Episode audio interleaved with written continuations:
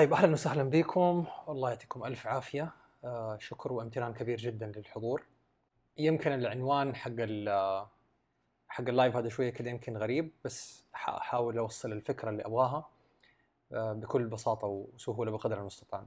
ودائما أنا أتكلم عن المواضيع اللي كنت أكون قرأت عنها ولا بتشغلني ولا المواضيع ال- اللي بتحصل حاليا. وأحاول بقدر المستطاع إنه أجردها من النظريات لنزلها لأرض الواقع عشان فعلا يكون انعكاس حقيقي في حياتنا ويكون كلام براكتيكال كلام عملي نقدر نخرج على الأقل بفهم أو بوعي أو حتى بميكانيزم بآلية تقدر تخرجني من المكان اللي أنا فيه لمكان ثاني أفضل. من فترة تكلمت عن وماني أنا السباق في الحديث عن عن عن القوانين الكونية ولا سميها اللي تسميها قوانين الكونية، قوانين الحياة، قوانين ال- السعادة، ما يفرق إيش المسمى. تكلمت عن قانون اسمه قانون الانعكاس. إنه كيف إنه العالم كله بالكامل هو انعكاس لنا إحنا في الداخل والعكس صحيح. حالتنا المشاعرية الداخلية هي ممكن تكون انعكاس للعالم الخارجي. بالنسبة لي أنا هي قاعدة آه، هندية قديمة as within so without كما في الداخل كذلك في الخارج وأيضا كمان العكس كما في الخارج كذلك في الداخل فالعالم الداخلي ممكن يكون انعكاس للعالم الخارجي والعالم الخارجي ممكن يكون أيضا كمان انعكاس للعالم الداخلي. إيش معنات الكلام هذا الكبير وال- والفلسفة؟ إنه إيش يعني انعكاس وما انعكاس؟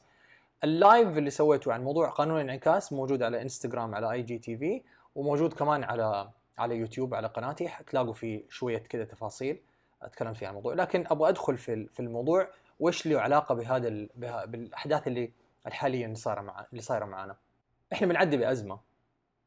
و وواحدة من معلماتي اسمها دونا لانكاستر قالت عبارة مرة جميلة. قالت هذه أول مرة في التاريخ في التاريخ في تاريخ البشرية كل البشر في نفس الوقت بيعدوا بنفس الأزمة. فمثلا ممكن يخطر على بال أحد يقول في الحرب الحرب العالمية الأولى ولا الثانية البشر كلهم عدوا بنفس الأزمة. لا. بقعة معينة من الأرض هي اللي عدت بأزمة والبقية تأثروا منها شوية. اقتصاديا صحيا وهكذا. في الانفجار مثلا حق مفاعل تشيرنوبل بقعة معينة من الأرض أيضا تأثرت لكن الآثار حقتها وصلت. فكما لو كان الصوت طلع في مكان معين بس الصدى حقه وصل لأماكن ثانية أبعد. فكان في تأثير بس التأثير مو مباشر والأثر ما هو واحد. عموما فدونا لانكاستر تقول هذه أول مرة في تاريخ البشرية كلنا بنعدي بنفس الظروف الاقتصادية الاجتماعية والصحيه في نفس الوقت. فمشاعر البشر صارت مرة قريبة من بعض. لكن في وسط هذه اللي أنا ممكن أطلق عليها الآن أزمة أزمة ال ال ال الأزمة بالنسبة لي هي ليست أزمة صحية هي أزمة فكرية آه، أكثر من أي شيء ثاني. لأنه فكرة الخوف هي المخيمة والخوف لما يتخلل داخل الجسم يخلينا نصير مرتبكين وما نقدر نتحرك عفوا. وسابقا على إنستغرام برضو تكلمت على أكثر مرة عن موضوع ال- الخوف وإنه كيف الخوف هو أساسا هو فكرة والفكرة هذه لما تعشش فينا تخلينا كاننا مكبلين ولا مشلولين ما نقدر نتحرك ما نقدر نخرج من المكان اللي إحنا فيه. فتصير الفكرة هي المحرك الأساسي ولا المسيطر. طيب إيش علاقة هذا كله بالأزمة؟ لو اعتبرنا إنه هذه الأزمة الخارجية الكبيرة هي نطبق عليها القاعدة حقت كما في الداخل كذلك في الخارج. كيف هذه الأزمة الخارجية بتعكس في حياتنا اليوم أزماتنا الداخلية. والأزمات الداخلية اللي موجودة عندنا في داخل حياتنا واللي في داخل طيات نفسنا مو شرط تكون أزمة حالية ممكن تكون أزمة قديمة جدا.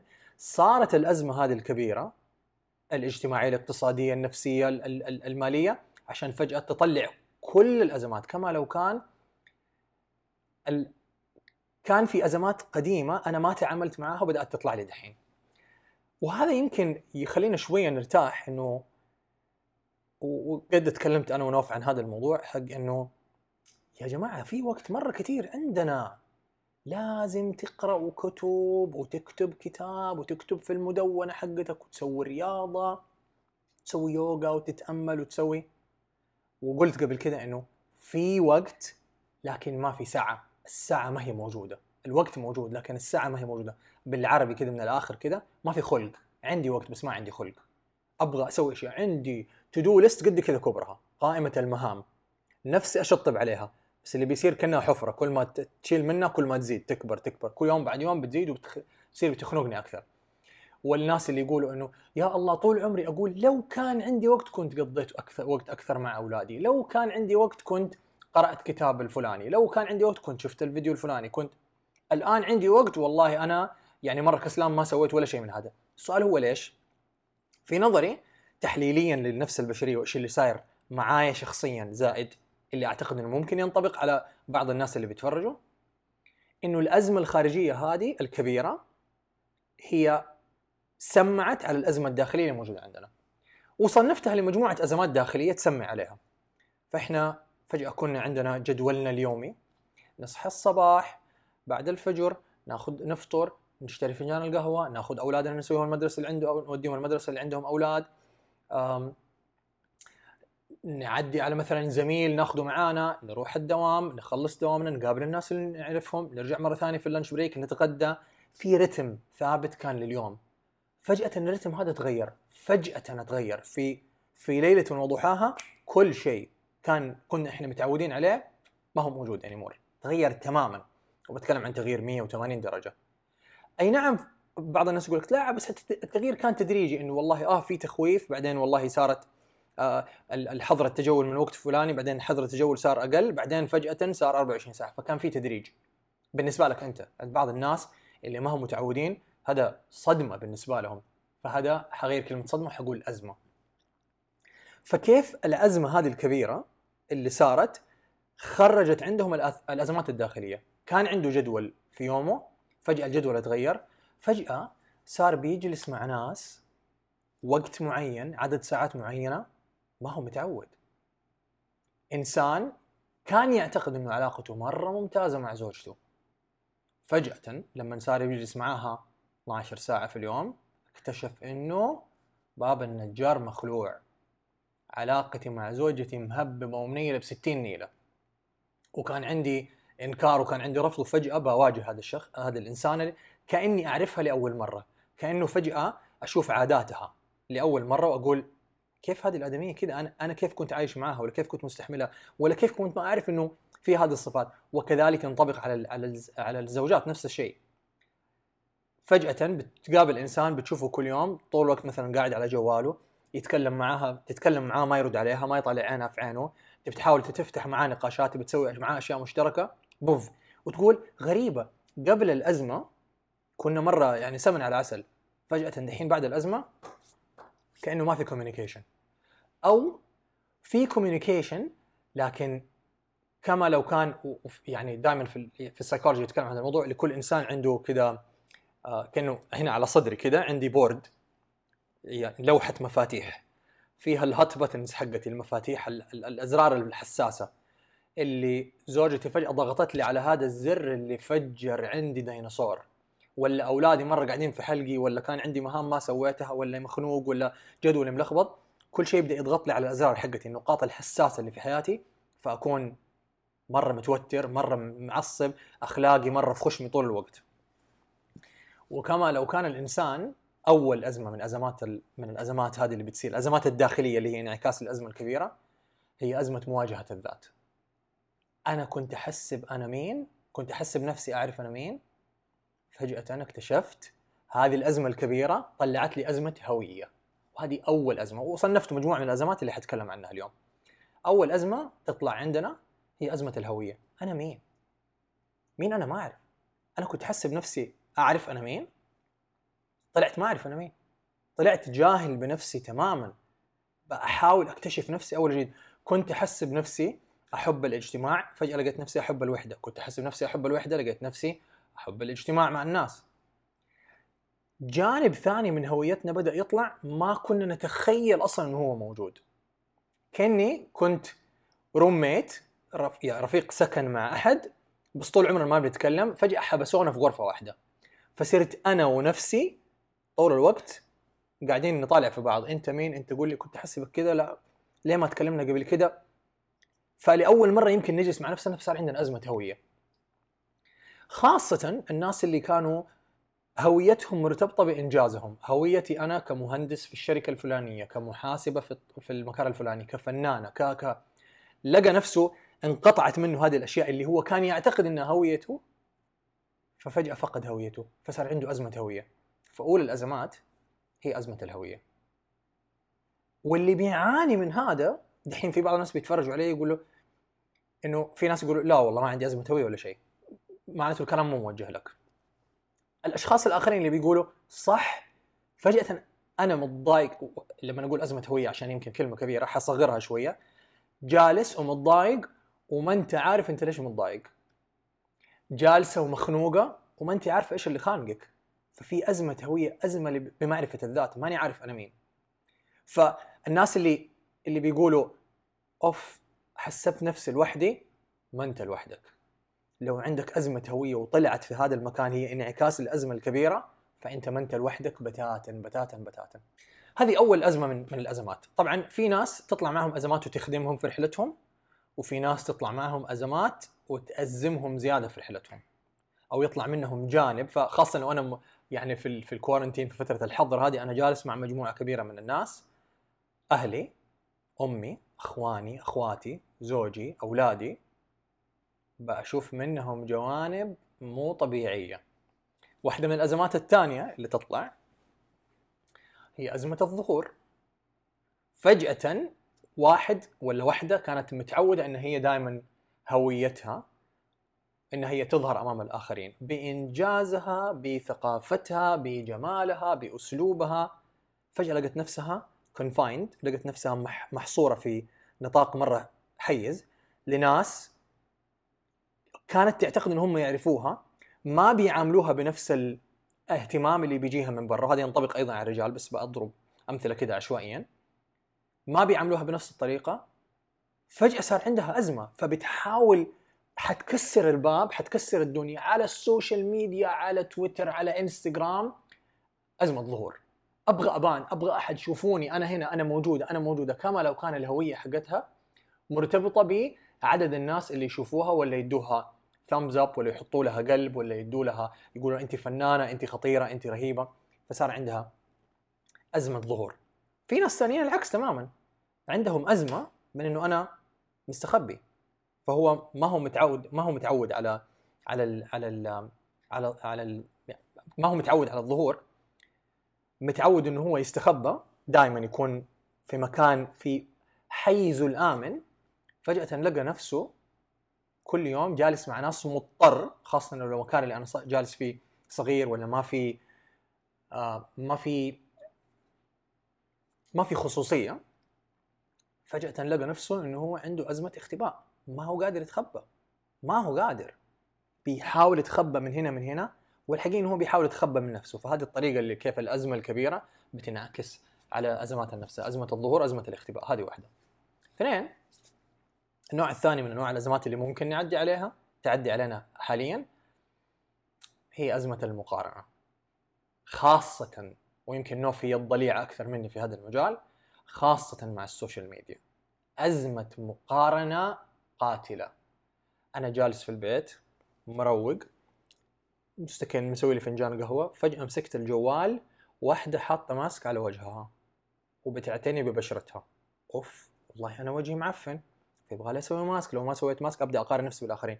فلان الثاني بتتكلم عن مدري إيش. فلان الثالث بيقول إنه لازم تقرأ ثلاثة كتب. فلان الرابع بيسوي كذا. فلان الخامس بيسوي زي كذا. فأنا كانت ثقتي بنفسي في هذا المكان مع تواصلي مع يعني مع متابعتي مع هذول الناس اللي وما بقول عنوة هم بيسووا اللي في الغالب يبينوا الجانب الإيجابي. فأنا ماسك الجوال بقلب بقلب بقلب بقلب. ثقتي بنفسي كانت هنا صارت تنزل تنزل تنزل تنزل تنزل تنزل تنزل. صار عندي أزمة في المقارنة. واللي عنده أزمة في المقارنة كيف يقدر ينتصر نفسيا؟ وهذا كله بتكلم عن سب كونشس في اللاواعي. نفسيا اللي يصير إنه مثال مرة يعني شهير دائما يتكلموا عنه في في في, في التنمية الذاتية واحد فلان عنده رجل أعمال عنده برج عالي. والمدينة اللي هو فيها عندهم أبراج أعلى منه. كيف هو يكون الأعلى برج في في في المدينة؟ عشان عنده أزمة مقارنة. عنده خيار من اثنين. إنه هو يعلي برجه هذا حيكلفه كثير أو إنه يكسر أبراج الآخرين. فإيش يسوي؟ كيف نعرف إنه واحد عنده أزمة مقارنة أو إحنا عندنا أزمة مقارنة؟ نكسر مجاديف كل أحد في خلقتنا. أنت تخ... تخنانه نحفانه أحلق دقنك شعرك طويل شكلك عملت سويت قرأت ما سويت عملت فعلت عملت رياضة ما عملت رياضة. طب أنا عملت. ونبدأ نقارن في الآخرين عشان إيش؟ كأنها طريقة للظهور طريقة لإظهار أنفسنا طريقة للتمسك بجزء من الهوية حقنا اللي إحنا نعتقد إنه هذا هو إحنا. فيصير هويتنا في أزمة المقارنة تكون في أحد عبارتين. أنا أحسن من أو فلان أحسن مني. طول الوقت. طول الوقت عندي مقارنة. مين أنا أحسن من مين فأحس نفسي كويس فلان أحسن مني فأحس نفسي سيء. سيء كويس سيء كويس سيء كويس. كأني في roller coaster. طالع نازل طالع نازل طالع نازل طالع نازل. وهذا برضو أيضا دليل على إنه عندي أزمة هوية. أنا ماني عارف أنا مين فبالتالي بحاول ادور أدور لي نقطة متوسطة أقدر أقارن نفسي بيها. فنبدأ نلطش في نفسنا ونكسر في الناس الثانيين نكسر مجاديفنا وشكرا لله نكسر مجاديفنا ونكسر مجاديف مجاديف أنفسنا ومجاديف الآخرين. فلما أنا أك... عشان أحس نفسي إنه أنا فنان وخطير ورهيب فأقارن نفسي بالأفضل مني ولو كانوا يمونوا علي ولو كانوا معي في نفس الحيز أبدأ إيش؟ أت... يعني إيش؟ أتهكم عليهم. يعني أنت اليوم ما قرأت كتاب؟ أنا اليوم الحمد لله قرأت. يعني كتاب ونص بس اليوم. هنا مرة يعني يعني تعرف أنا إنسانة مثقفة في مرة أحب الثقافة وأحب ال... يعني الاستزادة بس يعني أنتم بس قاعدين تتفرجوا تلفزيون؟ بس. بس نتفليكس بس كذا يعني ما ما في شيء ثاني بتسووه.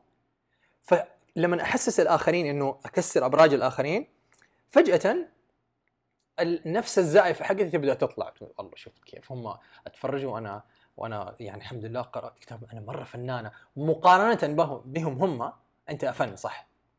وفي الغالب الناس اللي عندهم أزمة مقارنة ما يحرصوا إن هم يقارنوا مع الناس اللي أفضل منهم. اللي قرأ كتاب ما يقارن نفسه مع اللي قرأ كتابين.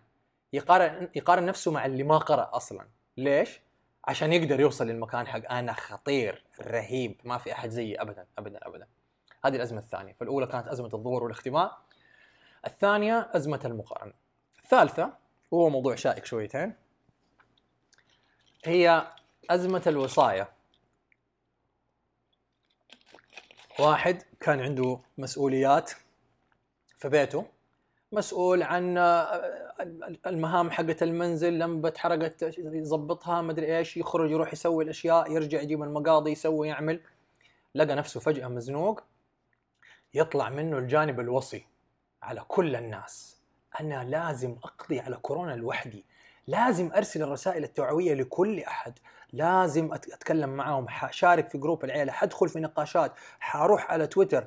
فعنده كده وصاية يعتقد إنه لو شاف واحد برا في الشارع في غير وقت الحظر حيتصل على الشرطة الآن ويبلغ على أبو جده عشان يبهدله عشان هو لازم يحوي يحمي المجتمع ويحمي الأمة ويحمي كده عنده كده نظرة مرة كثير.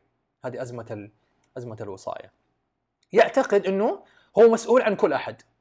فيبدأ لا شعوريا برضو بقول لا شعوريا بلا وعي يحط نفسه في المكان المقياس الصحيح وكل الآخرين هم الخطأ. والقصة الشهيرة حقت الاثنين كانوا جالسين واحد قال له قال يعني بيقارن نفسه بالآخرين. بيقول إنه والله شفت يعني فلان على قصة مسجد اثنين كانوا بيصلوا في المسجد فواحد منهم قالوا بيقارن مع بيدردش مع الثاني فبيقول له إنه يعني آه، شفت فلان والله يعني هو كويس بس الباقيين مرة سيئين. وكان بيتكلم عن المدينة ويقارن نفسه بالمدينة. أهل المدينة أهل الحي حقنا هم أفضل شيء البقية كلهم سيئين. بعدين رجع مرة ثانية صغر من المدينة للمنطقه اللي هم فيها. أهل المنطقة حقتهم الكويسين البقية لا. وبدأ يصغر يصغر يصغر لما ما بقي إلا هو والثاني. فالثاني قال والله ما بقي الا أنا وأنت. فحتقول أنت صح وأنا خطأ في الأخير ونسفه كل أحد. وهنا يجي الفكر حق الوصايا. ما أبغى أعمم وأقول إنه في كثير لكنه الطاقه حقته مرة مزعجة.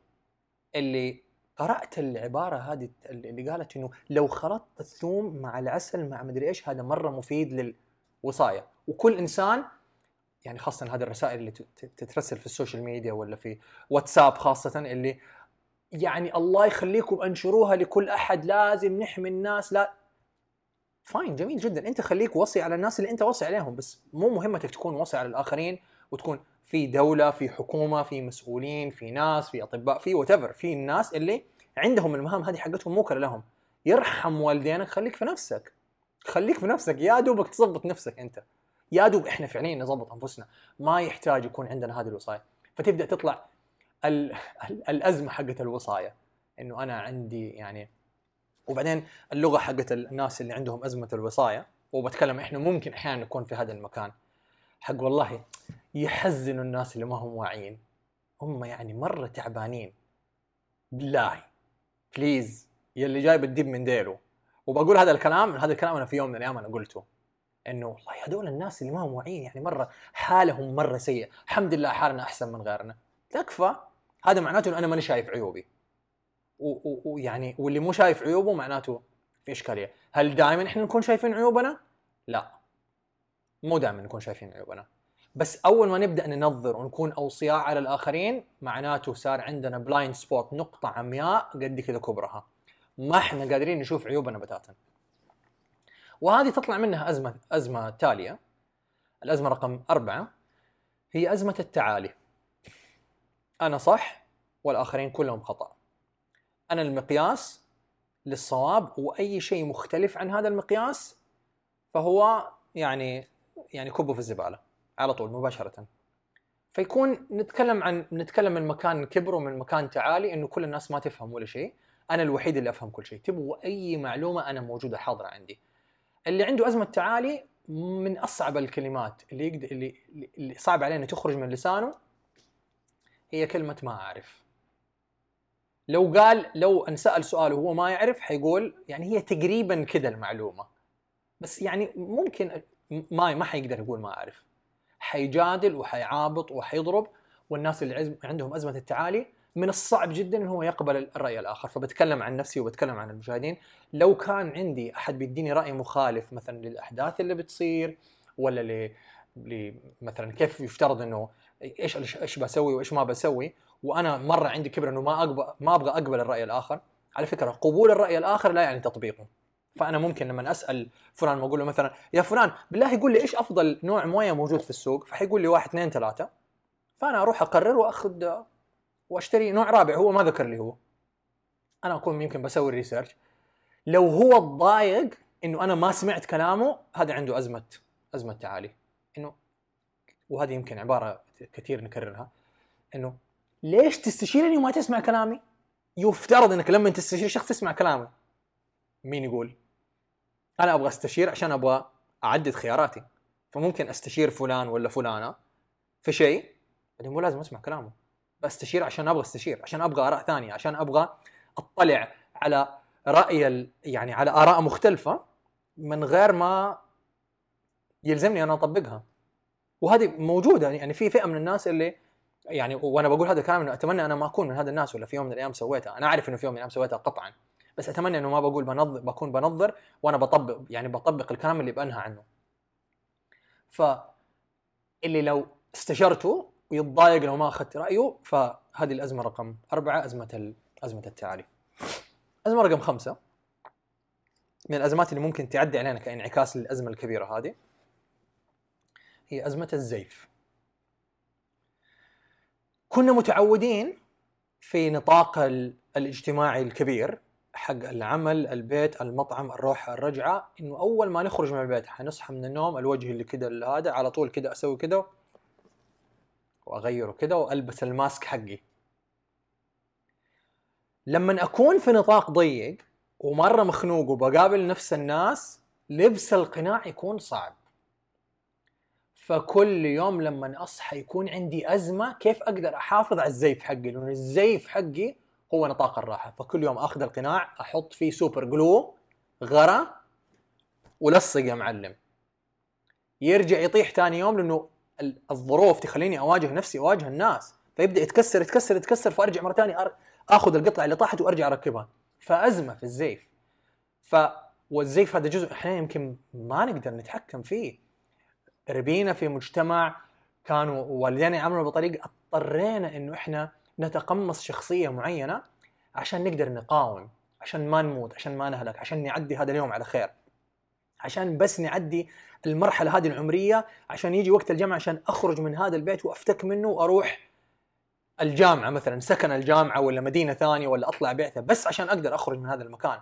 عشان فجأة أحاول بقدر المستطاع إنه أظن لو خرجت من هذا المكان finally نهائيا حاشيل ال mask. اكتشف إنه بعد ما أروح المكان الثاني ال mask صار جزء من هويتي صار لاصق فيا. والظروف حتجي والأزمات حتعدي علي كل يوم بيوم عشان تسوي لي شطب هنا وشطب هنا وشطب هنا عشان يبدأ يتكسر الماسك.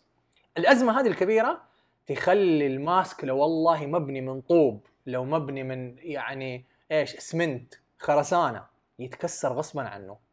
كل ما قاومت أنك تتخلى عن الأزمة هذه حقت الزيف كل ما زاد يلصق في وجهك. ف الناس اللي متعودين ان هم يكونوا والعكس تماما حق أزمة الزيف أزمة الحقيقة. الناس اللي متعودين إنهم دائما يكونوا حقيقيين بقدر المستطاع. حقيقيين بالنسبة لهم هم ما أعرف إيش بالنسبة للآخرين بس حقيقيين بالنسبة لهم إنه أنا أقدر أقول الكلام اللي إيش العبارة اللي نقولها اجتماعيا؟ والله أنا اللي على قلبي على لساني. فجأة وهو ما هو دائما في نفس النطاق الضيق هذا فجأة لقى إنه اللي على قلبي على لساني ترى بتزعج ناس كثير. فيمكن تقدر تكون اللي على قلبك على لسانك بس بتلطف تخف شويتين بأسلوب. ما أحد مثلا من أولادك يعدي إيش هذا اللبس المعفن لا لا روحي غيري يا بنت وتعالي. ولا لزوجتك ولا لزوجك ولا وات والله اليوم مرة كذا شكلك ليش كذا شكلك مرة عبوس؟ ليه والله أنت اليوم؟ والله شكلك تخنانة من أمس لليوم. فليش بتقول زي كذا؟ والله أنا عادي أنا تعرفوني كذا أنا اللي على قلبي على, على لساني. ففجأة تكتشف إنه أنت عندك الأزمة ال واحد اثنين ثلاثة أربعة خمسة السادسة أزمة تواصل. الأزمة رقم ستة. عندي أزمة تواصل. كنت على بالي أحس بنفسي أنا ال communicator الرهيب. يعني ال communication عندي هذه كده زي شربة الموية. طلع الكوميونيكيشن عندي صفر. صفر. ما أعرف أبدا أتواصل ولا أقبل الرأي الثاني. عندي أزمة تواصل. وجزء من أزمة التواصل حقي اللي بستنى الشخص الثاني يخلص اللي عنده عشان أنا ردي جاهز. فمعناته بسمع بس ما بأنصت. هو إيش بيقول؟ أعدي على بالي. بس أنت خلص اللي عندك و... أيوه أنا أنا أنا مستمع مرة جيد. خلص اللي عندك وأنا ردي جاهز زي النار كذا حيجي كذا وحيحرقك تماما. عشان أصلا أنت حكسرك أصلا أنت أصلا أنت ما أنت على حق. أنا بس الوحيد اللي على حق. عشان كذا أرائي كلها حتكسرك. فجأة اكتشفت إنه أنت عندك أزمة تواصل. ما تعرف تقول الرأي بلطف. ما تقدر. أنت تحس إنه أنت منصت جيد. أنت أنت لو أنت جالس كذا وماسك الجوال تقول لمرتك سامعك كملي. في هذه الظروف اللي إحنا فيها اللي مره النطاق صار ضيق حتقول لك إنه لا يقول بس أنت ما أنت فاهمة أنا عندي مهارة رهيبة اي كان مالتي تاسك أقدر كذا أعدد المهام في نفس اللحظة. أنا سامع كلامك ما ينفع يا حبيبي ما ينفع. لازم تكون معايا لازم تديني كل حضورك لازم تركز معايا لازم تسمعني لازم يعني تعطيني من حيزك تماما عشان أقدر أسمعك للآخر وأقدر أتعاطى معاك من غير ما يكون فيها آه، إنه بس أنا بستنى بس ردودي أنا جاهزة طخ طخ طخ طخ, طخ انتهى الموضوع. لا. فصار عندنا أزمة تواصل واحد اثنين ثلاثة أربعة خمسة ستة سبعة. الأزمة رقم ثمانية هي بالنسبة لي أزمة الاستحقاق. وحسميها الكلمة الإنجليزية حقتها هي ال term اللي أنا أستخدمه ترجمتي الشخصية هي اسمها أسميها الاستحقاق الزائف. والناس اللي حضروا معايا برنامج آه، معادلة الاستحقاق على منصة Enlight تكلمت عنه كذا في chapter لحاله. بس حتكلم عنه هنا لأنه الموضوع مرة مهم بالنسبة لي. فالاستحقاق الزائف أو الكلمة الإنجليزية حقته هي entitlement إنه أنا عندي entitlement I am entitled يعرفها مارك مانسون في كتابه فن اللامبالاة. يقول إنه الاستحقاق الزائف يجي بطريقتين. الطريقة الأولى أنا مرة خطير وعشاني مرة خطير أنا أستحق إنه تعاملني معاملة مميزة. عشاني أنا مرة فنان ما في أحد زيي في العالم. هذا النوع الأول. النوع الثاني هو أنا مرة معفن ومرة سيء ومرة ضحية ومرة مسكين ومرة مكسور ولذلك أستحق انه تعاملني معاملة خاصة. فجأة في وسط الأزمة اللي إحنا بنعدي فيها الكبيرات تسمع على أزمة الاستحقاق الزائف. ناس يلعبوا دور الضحية اللي please طبطبي علي كبسيني سوي لي أطبخي لي أعملي لي أفعلي لي قوم وهز وسطك يا حبيبي. إحنا كلنا مع بعض في الشغلانة دي. والنوع الثاني المتعالي. اللي هذاك الأول يقول سبي سوي لي اعملي عشان أنا مرة مسكين أنا مرة تعبان أنا مرة أنا نفسيتي متضايقة أنا متعود إني أخرج. بالله ما أنت لحالك. طيب والنوع الثاني في الاستحقاق الزائف هو اللي عشان أنا رب الأسرة وربة الأسرة فلازم تسمعوني. عشان أنا الأم عشان أنا الأب عشان أنا برضاي عليكم عشان أنا في عشان أنا قلت عشان أنا اللي جبت المقاضي فالشخص الثاني ما ينفع وهكذا.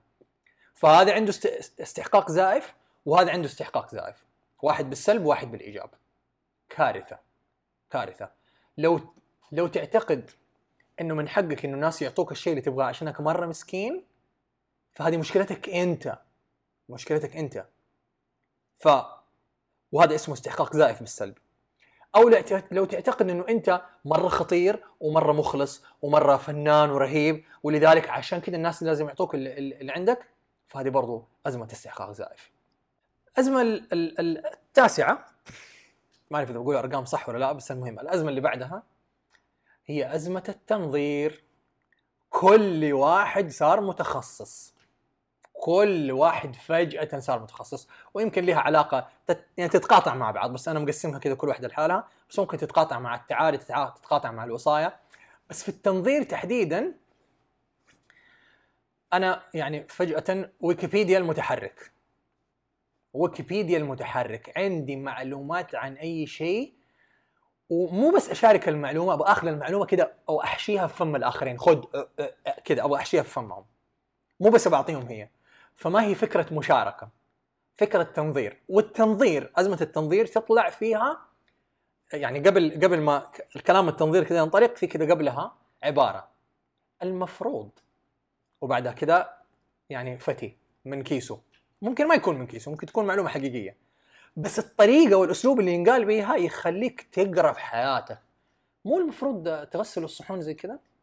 والله أنا أمي لما كنت يعني معاها قبل ما أتزوجك كانت يعني تغسل الصحون تحط معاها تحط معاها فيري أكثر من كذا يعني هذا الفيري مرة قليل. مو عاجبني صراحة.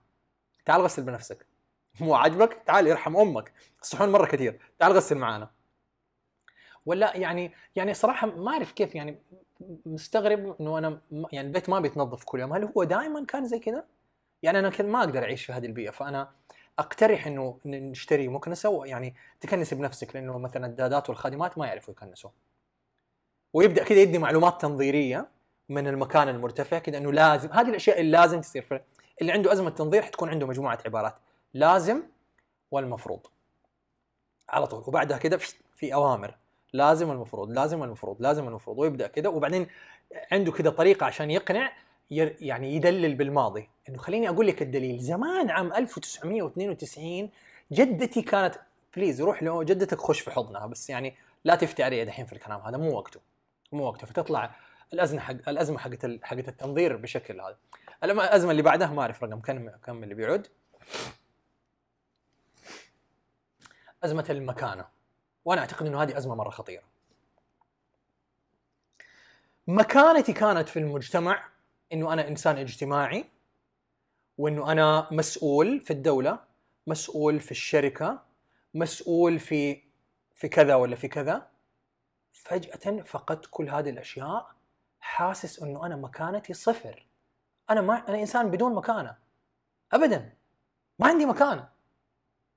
وبحاول أعوض المكانة هذه إنه أنا أسيطر مثلا في البيت.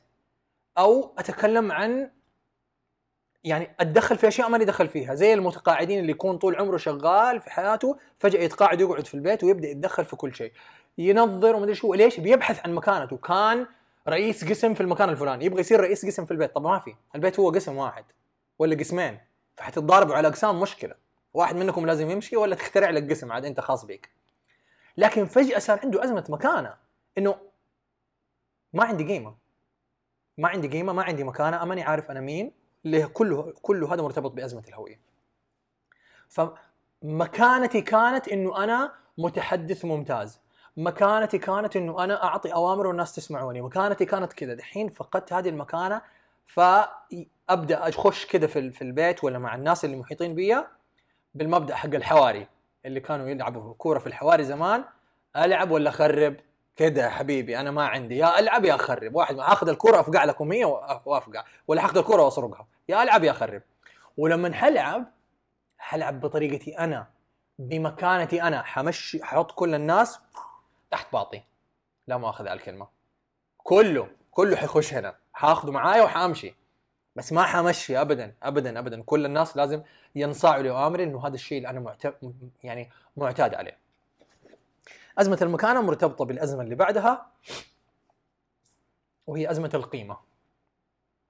أو الاثنين يمكن مترادفين لبعض.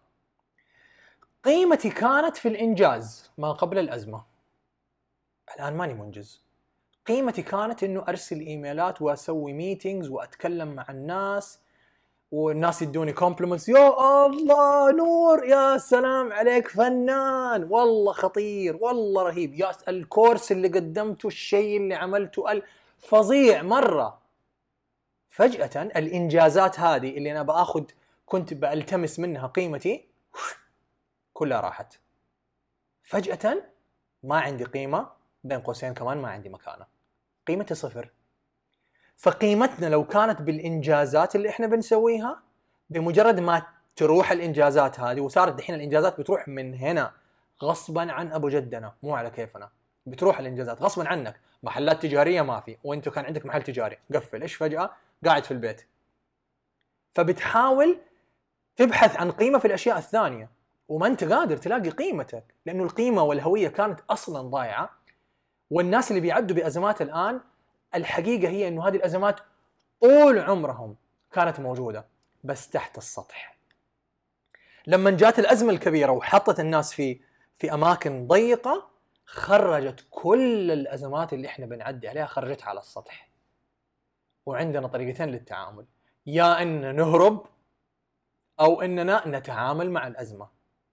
إيش أزمة الظهور هذه؟ إيش لازم أسوي؟ أرجع مرة ثانية رتب أنت إيش تبي تسوي في البيت؟ شارك. مو عيب يا سيدي الفاضل إنك أنت تغسل صحون.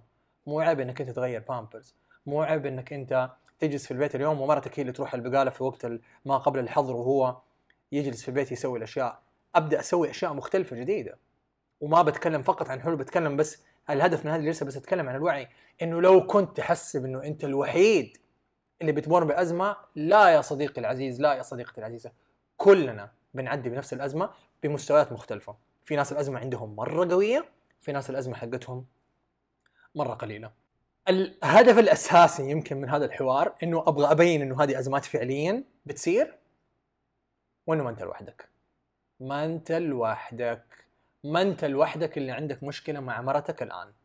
ما أنت الوحيد اللي أنت فجأة الإنسان اللي كنت معايش عايشة معاه 15 سنة فجأة بتشوفيه بوجه جديد كأنك أول مرة تعرفيه. ما أنت لوحدك لو كنت تعتقدي إنه أمك مرة قريبة منك والحالة صارت يعني صار في كهرباء لما تدخلي تتكلم معاها ما تقدر. There's no winning. يعني إيش؟ يعني ملوش حل. يدخل في تدخل في, في هذا ملوش حل. الناس اللي كانوا يعتقدوا إنه حياتهم مع عوائلهم ولا مع أصدقائهم كانت قريبة فجأة الصديق المقرب منه فجأة صار بعيد وطلع وقت الفزعة. طب ماني موجود. أوف صار عنده أزمة. أنا ما عندي أصحاب. أنا ما عندي أنا أهلي اللي كنت احسب إنهم أهلي وسندي فجأة ما كانوا سندي. وعشان أتكلم عن الجانب الإيجابي فجأة يطلعوا ناس كون ما كان يخطر على بالي انه هذول الناس ممكن حيسندوني.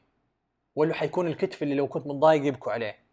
ولا حيكونوا يعني الحضن اللي ممكن ياخذني ويضمني ويقول لي حتعدي إحنا مع بعض في هذا في هذا في هذا الوقت فكما عشان ما أكون فقط بينت الجانب السلبي كما إنه هذه الأزمة بتطلع الجوانب السلبية كثير والأزمات اللي موجودة في داخلنا كذلك أيضا تطلع جوانب ثانية يعني إيجابية من من حياتنا ما كنا أصلا ما كنا أصلا نعرف عنها ولا ولا كنا نعرف ولا كنا واعيين بها.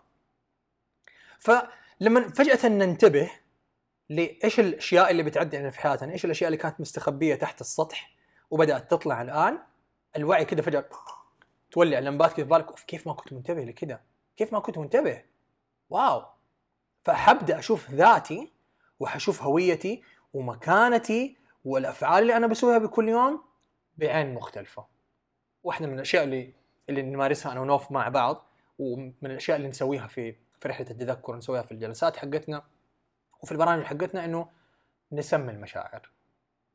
لو كان عندك مشاعر وما كنت تعرف اسمها فيمكن اللقاء هذا لو حضرته اليوم هتعرف إنه هذه المشاعر اسمها كذا.